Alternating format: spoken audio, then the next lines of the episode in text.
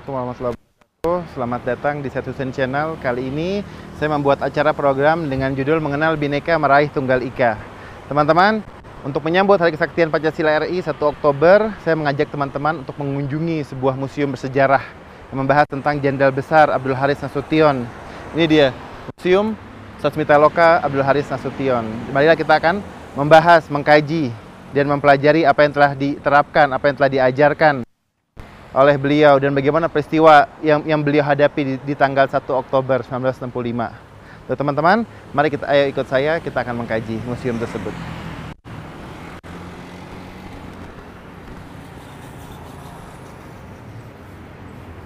Assalamualaikum. Waalaikumsalam warahmatullahi wabarakatuh. Alhamdulillah Pak Saroso kita diterima di sini di Museum Jenderal Besar.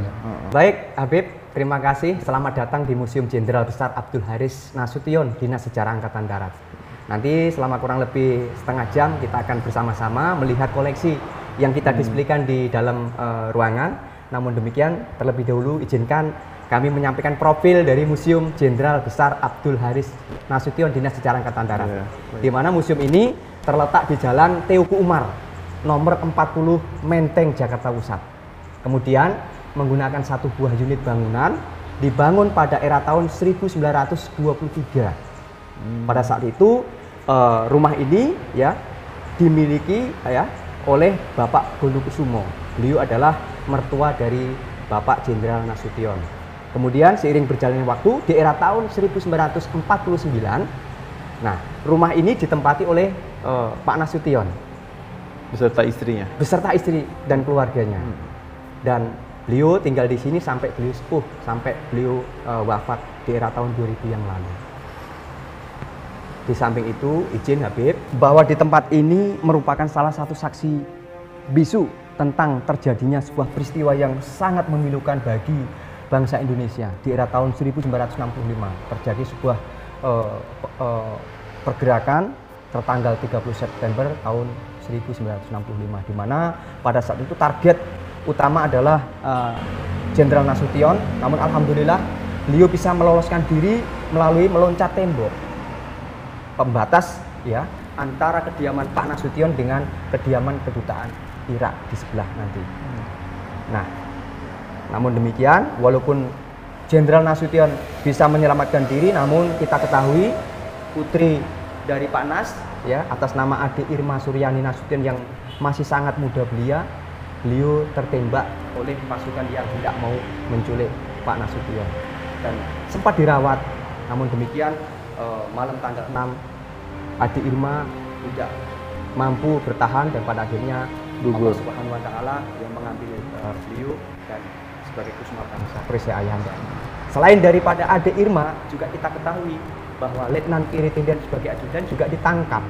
Kemudian dibawa ke sebuah tempat, kemudian di sanalah pada akhirnya dibunuh dan lebih tragis lagi jenazah dari Letnan Piri Tindian ini dimasukkan dalam satu lubang sumur yang sudah tua bersama korban pahlawan revolusi yang lainnya. Ada enam jenderal dari eh, TNI kita kemudian ditambah satu lagi Letnan Piri Tindian jadi ada tujuh korban di eh, lubang buaya Oh iya, pahlawan revolusi Iya, pahlawan revolusi. Oleh karena itu bahwa tempat ini sangat bersejarah bagi perjalanan bangsa Indonesia, terutama dalam rangka untuk mempertahankan eksistensi kemerdekaan bangsa kita yang eh, berdasarkan Pancasila dan Undang-Undang Dasar 45. Oleh karenanya, oleh pemerintah eh, kediaman Pak Nas ini pada akhirnya dijadikan sebuah museum dalam rangka untuk didedikasikan sebagai penghormatan setinggi-tingginya terhadap Pak Nasution atas jasa-jasa beliau Iya. sekaligus sebagai wahana tempat pembela- pembelajaran buat kita semuanya sebagai generasi penerus bangsa Indonesia agar supaya kita bisa berkunjung ke Museum Jenderal Besar Abdul Haris Nasution ini dalam rangka untuk menumbuh kembangkan nilai-nilai persatuan, nilai-nilai cinta tanah air, nasionalisme, patriotisme terhadap bangsa Indonesia yang kita cintai ini. Oleh karena itu, terima kasih Habib sudah berkenan berkunjung di Museum Jenderal Besar Abdul Haris Nasution. Setelah ini kita akan bersama-sama melihat display koleksi yang ada di Museum Jenderal Besar Abdul Haris Iya. Nasution. Iya Pak, ini eh, bikinan dari tokoh ya pembuat patung. Oh iya baik Habib. Jadi ini patung torso Pak Nas. Patung torso itu patung setengah badan Pak Nas. Dibuat oleh seorang seniman dari Yogyakarta bernama Bapak Yusman. Jadi ini karya dari Pak Yusman. Didisplaykan di Museum Jenderal Besar Abdul Haris Nasution sebagai ikon ya, sebagai ikon dari Museum Jenderal Besar Abdul Haris Nasution. Kenang-kenangan dari beliau atau di, Tidak. di, di sejarah yang Ya, di sejarah yang, yang Sejarah yang menghandle. setelah museum ini mau diresmikan. Termasuk ini ada seperangkat ya eh, sofa ataupun kursi, meja kursi ya. Ini kenang-kenangan dari Pak Nas ya semasa beliau eh, masih eh, apa namanya awal-awal pernikahan pada saat ini ya. Beliau eh, apa namanya setelah berumah tangga membeli sebuah apa namanya eh, meja dan Furniture, kursi, ya. Ini jadi te- ya, ke- ketika- masih unik unik ya unik ya masih unik kecil ya dan sampai sekarang masih kita rawat dalam rangka untuk eh, kita sampaikan kepada masyarakat inilah sebuah eh, kenang-kenangan dari Pak Nas iya lucu ya, unik ya dan unik kecil. ya kecil ya baik kita bisa bergeser ke Iya. tempat berikutnya Iya, boleh. ya seperti itu kan selanjutnya ini kursi meja kursi dipergunakan oleh eh, Pak Nas dalam rangka untuk menerima tamu secara umum Habib ya jadi eh, beliau kalau menerima, menerima tamu secara umum itu beliau eh, mempersilahkan untuk di ruang tamu ini Jadi seluas ini semua Ya, ruang tamunya ini Pak ruang Nas. tamu eh, depan. Nanti ada ruang tamu khusus ada di dalam ruangan nanti. Mungkin kita langsung menuju ke sana. Hmm. Iya, boleh. Baik.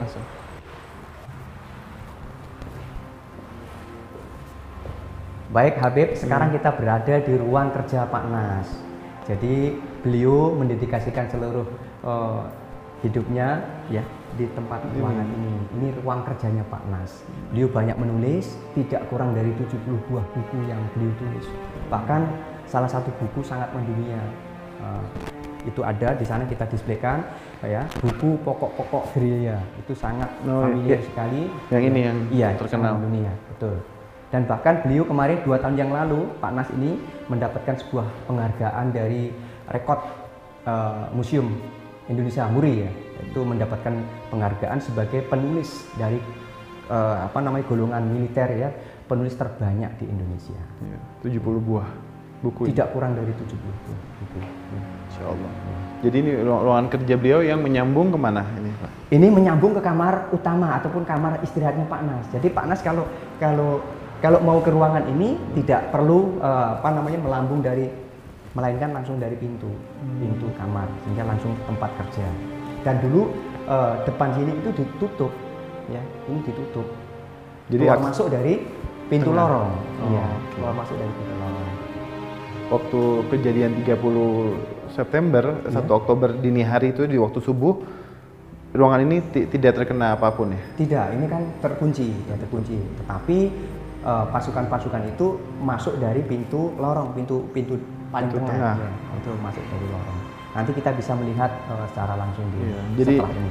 ini di diorama yang dibuat untuk sebagai melambangkan ruangan kerja Iya, Pak ruangan Nas. kerja Pak Nas. Ini ada patung life size Pak Nas. Ya, sama. Ini karya dari eh, Pak Yusman juga. Nah, iya, ini Pak Yusman. Ya, baik. Baik, kita lanjutkan ke ruangan berikutnya, Habib. Baik, selanjutnya ini adalah ruang tamu khusus, Habib ya. Ruangan tamu khusus ini dipergunakan oleh Pak Nas dalam rangka untuk menerima tamu eh, baik dari pejabat-pejabat dalam negeri maupun pejabat-pejabat dari luar negeri. Di sini masih nuansana masih masih masih tetap kita pertahankan seperti awal ya, cat kuning seperti itu. Kemudian Tahun 2000 ini. Terakhir Pak Nas wafat ya, tetap seperti ini, tidak Seperti berubah. ini dari dari ketika Pak Nas eh, masih sugeng masih masih hidup tetap seperti ini. Oke. Jadi Jadi- tata-tata koleksi juga seperti itu. Iya. Foto Jadi segala macam Pak masih utuh. eh, Presiden Soekarno, Pak Karno datang juga diterima di sini sama Pak Pokoknya Nas. setiap pejabat beliau di menerima sini. di sini. Kita bisa melanjutkan lagi? Iya bisa. Iya. Silahkan. Baik Habib, ini eh, selanjutnya ada penggambaran replika patung-patung eh, pasukan yang mau hendak menculik Pak Nasution ya pada tanggal 30 September tahun 65 pada saat itu. Nah, nanti akan saya ceritakan, akan saya sampaikan eh, kronologinya ada di sini. Boleh saya bilang di sini tempat monumental ya, karena di sinilah tempat Adi Irma Suryani tertembak Yuk kita masuk ya. Jadi ru- ruangan kamar tidurnya Pak Nas ya. Ya, inilah kamar utama Pak Nas ya, ruang eh, istirahat Pak Nas, kamar tidur Pak Nas. Jadi ornamennya seperti ini ya masih kita pertahankan seperti semula.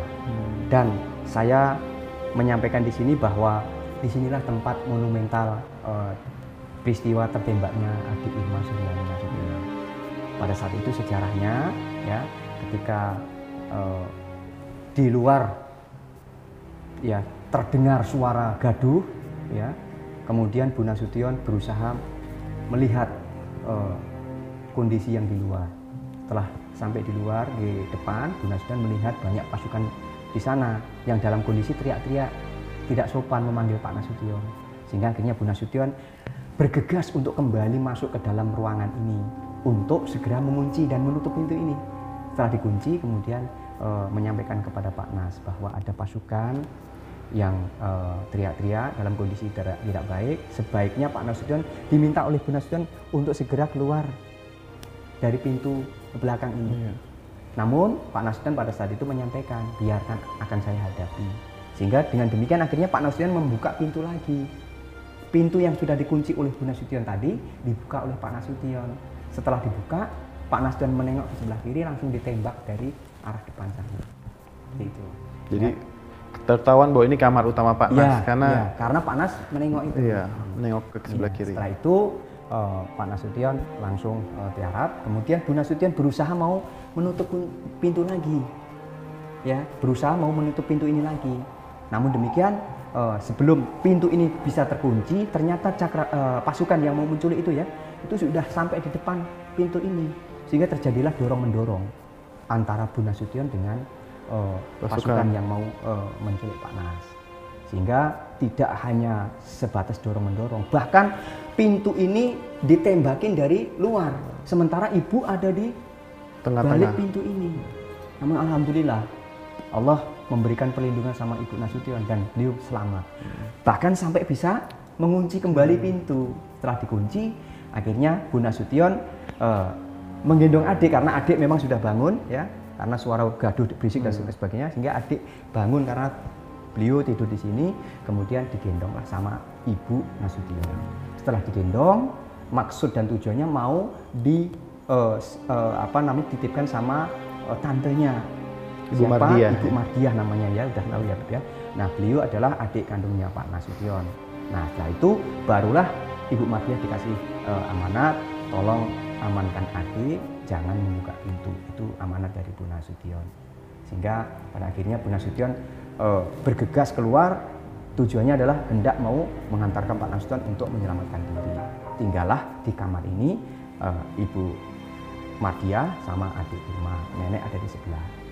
Nah pada saat itu eh, Ibu Mardia diteriakin agar supaya membuka pintu oleh pasukan ya sehingga beliau mungkin ada rasa ketakutan dan lain sebagainya pada akhirnya pintu ini dibuka. Setelah pintu dibuka langsung ditembak. Nah menurut pengakuan dari Ibu Madiah menyampaikan kepada saya pernah ya bahwa Ibu Madiah tertembak apa namanya di celah-celah ibu jari tembus ke eh, mengenai adik Irma. Nah, kemudian ditembak kedua dan ketiga kalinya itu langsung dikena di adik Irma sehingga adik Irma sangat eh, parah lukanya. Setelah itu Ibu Madiah lari ke belakang menuju pintu ini keluar untuk menghampiri Ibu Nasution. Ini sempat dikunci lagi nggak? Tidak, tidak sudah dalam kondisi terbuka. Namun demikian mungkin ya pasukan ini eh, khawatir bila mana barangkali Pak Nasution masih ada di dalam ruangan dan takut Pak Nasution melakukan eh, apa namanya penyerangan ke- balik sehingga mereka hanya menembakin secara membabi buta termasuk monijin itu apa eh, meja Iya, iya. tertembak Ini yang, yang pintu juga yang, yang terkena Pintu. ya. Kalau pintu ini eh, ya yang dari awal tadi, Iya. termasuk tembok sana juga eh, apa ada tembak. Seperti itu ya, Habib, eh, apa namanya kronologinya. Iya. Ini me- meja ini yang, yang yang tidak pernah diganti udah ini bekas Iya, tembakannya iya, itu. masih seperti itu, ya, dipertahankan sampai sekarang. Sama itu juga Iya. yang menembus dan ini nggak nggak pernah diperbaiki ya Tidak sebagai pernah. bukti. Sebagai bukti. Ya kita menuju ke diorama Pak Nasution mau menyelamatkan diri. Ini b- baju peninggalan Pak Nas. Iya betul, ini baju-bajunya Pak Nas, baju asli ya, bajunya yang pernah dipakai oleh Pak Nas yang kita displaykan ya di dalam ruangan kamar Pak Nas ini juga ada, kemudian di sebelah nanti juga ada. Baik. Ini kita lanjut ke ruang gamat. Iya, ruang kamar.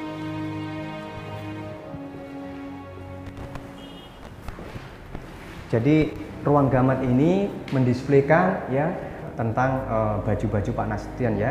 Namun demikian eh, di samping ada eh, koleksi baju-baju, di sini juga kita buat sebuah eh, diorama, diorama tentang eh, Pak Nasution mau menyelamatkan diri, meloncat melalui tembok pembatas antara kediaman Pak Nas dengan kedutaan Irak sebelah. Ya. Nah, di sinilah digambarkan situasi kondisi yang sangat dilematis. Kenapa dilematis? Karena di sisi lain Pak Nasution melihat putri yang eh, beliau sangat sayangi dan cintai dalam kondisi luka parah karena tertembak. Beliau posisinya sudah ada di atas pag- pagar tembok dan beliau mau turun lagi mau memberikan pertolongan terhadap eh, putrinya. Namun demikian di sisi lain Pak Nas ini terus-menerus ditembakin dari arah dalam juga termasuk dari arah jalan jalan raya. Itu menembakin Karena eh, Pak mungkin lihat ada bayangan kan. Iya ada bayangan. Nah dengan demikian akhirnya Bu Nasution eh, mengambil eh, sebuah eh, eh, permintaan yang sangat tegas dengan eh, kalimat cepat selamatkan dirimu. Kamu yang mau dibunuh seperti itu. Sehingga eh, Pak Nasution dengan keterpaksaan ya dengan berat hati pada akhirnya meloncat ke apa namanya tembok pembatas eh, pekarangannya Pak Nasution tersebut. Sehingga alhamdulillah beliau bisa selamat. Setelah itu Bu Nasution bergegas masuk kembali ke dalam ruangan. Ya, tujuannya mau meminta bantuan untuk telepon ke Pangdam Jaya pada saat itu. Nah, nanti kita bisa eh, melihat ya eh, eh, display diorama ya tentang Bu Nasution eh, hendak mau menelpon Pangdam Jaya di ada di ruang dalam nanti. Nah, ketika Pak Nas lompat ke kediaman kedutaan Irak, itu be- beliau ke mana dan apakah ada yang menolong atau ngumpet satu tempat? Iya. Bagaimana, Kapten? Beliau ya beliau setelah loncat beliau diam di tempat di mana beliau eh, turun di situ tidak ke mana-mana tidak bergerak ke mana-mana dan pada akhirnya eh, menjelang siang ya sekitaran jam 10 sampai jam eh, jam 9 sampai jam 10 beliau baru dievakuasi dan pada akhirnya beliau dirawat di Mako Kostrad Iya, Medan Merdeka. Iya. Dan karena memang Pak Nasution kakinya luka ya akibat dari eh, salah pendaratan, ya, salah loncat, pendaratannya salah sehingga tergelincir kakinya, sehingga kakinya luka. Beliau dirawat di Mako Kostrad. Seperti itu, Habib. Iya. Kita bisa melanjutkan lagi Iya, ke boleh. season berikutnya.